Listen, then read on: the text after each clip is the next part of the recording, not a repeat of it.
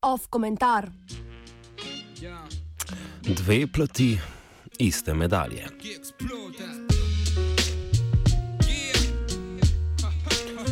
V zadnjem tednu politični komentatorji v Latinski Ameriki čilenske proteste vse bolj smelo primerjajo z množičnimi protesti v Braziliji junija 2013. Protestno gibanje Brazilska pomlad se je takrat podobno kot zdaj v Čilu začelo z majhno skupino študentov, ki je protestirala proti zvišanju cen vozovnic javnega transporta in se kmalo preoblikovalo v narodno katarzo tisočev državljank in državljanov na ulicah večjih mest. Brazilski protesti v svojem najmočnejšem momentu sicer niso odnesli predsednice Dilme Rousseff, je pa protestno gibanje uspelo od vladajoče elite izsiliti nekaj svojih zahtev. Če primerjamo takratno ekonomsko, socialno in politično situacijo v Braziliji s trenutno situacijo v Čilu, lahko čilenskemu predsedniku Sebastianu Pinjeri ponudimo učno uro o morebitni prihodnosti Čila. Muévela. Tri mesece pred začetkom demonstracij v Braziliji je bila priljubljenost brazilske predsednike Dilme Rousseff na vrhuncu, podpiralo jo je skoraj 60 odstotkov prebivalstva.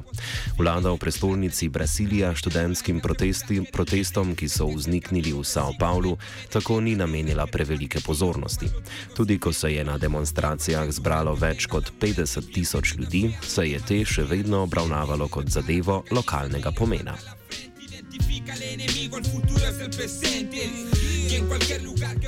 Prva napaka oblastnikov tako pred šestimi leti v Braziliji kot sedaj v Čilu je bil prepozen odziv na proteste zaradi arogance, odtujenosti in nerazumevanja potreb državljanov in državljank. Na točki, ko so se protesti razvili v večinsko gibanje, je brazilska vlada, izhajajoč iz preteklih izkušenj, ubrala drugačno taktiko kot čilenski predsednik Sebastiano Pinera. Situacijo je poskusila pomiriti.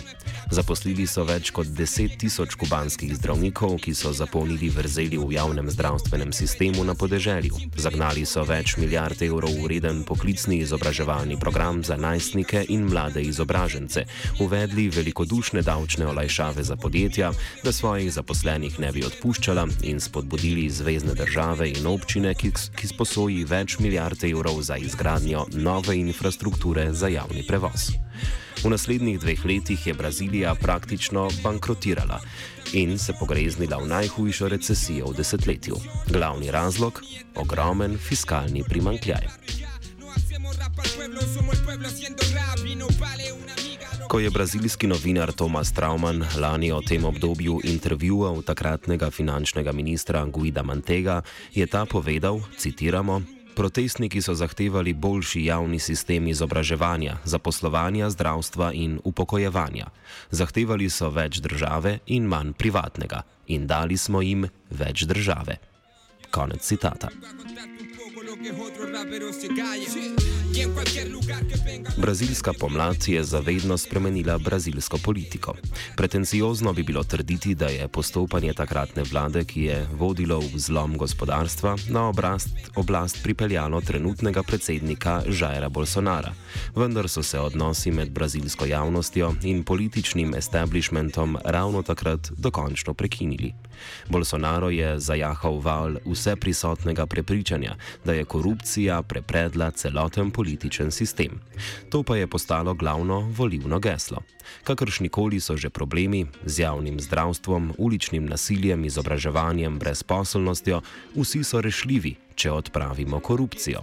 Geslo, ki ne odmeva samo v Čilu, temveč v celotni Latinski Ameriki. In kaj se lahko naučimo iz brazilske situacije leta 2013? Najprej to, da nič več ne bo tako, kot je bilo prej.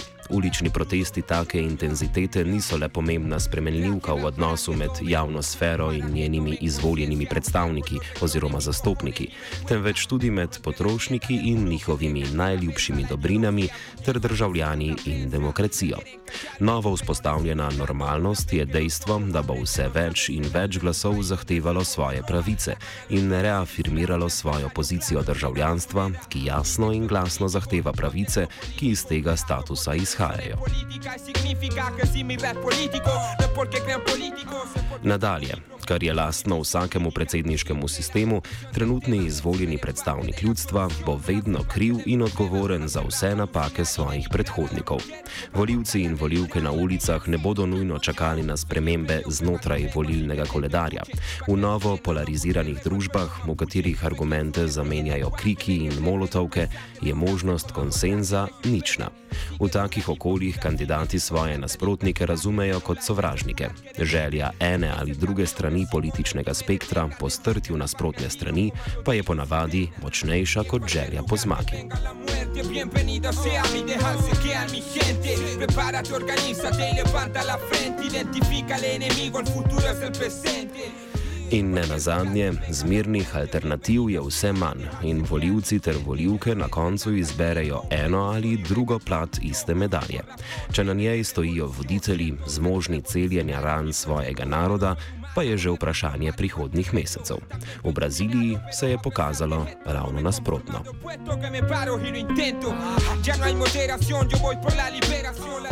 Usput komentiral Dugi.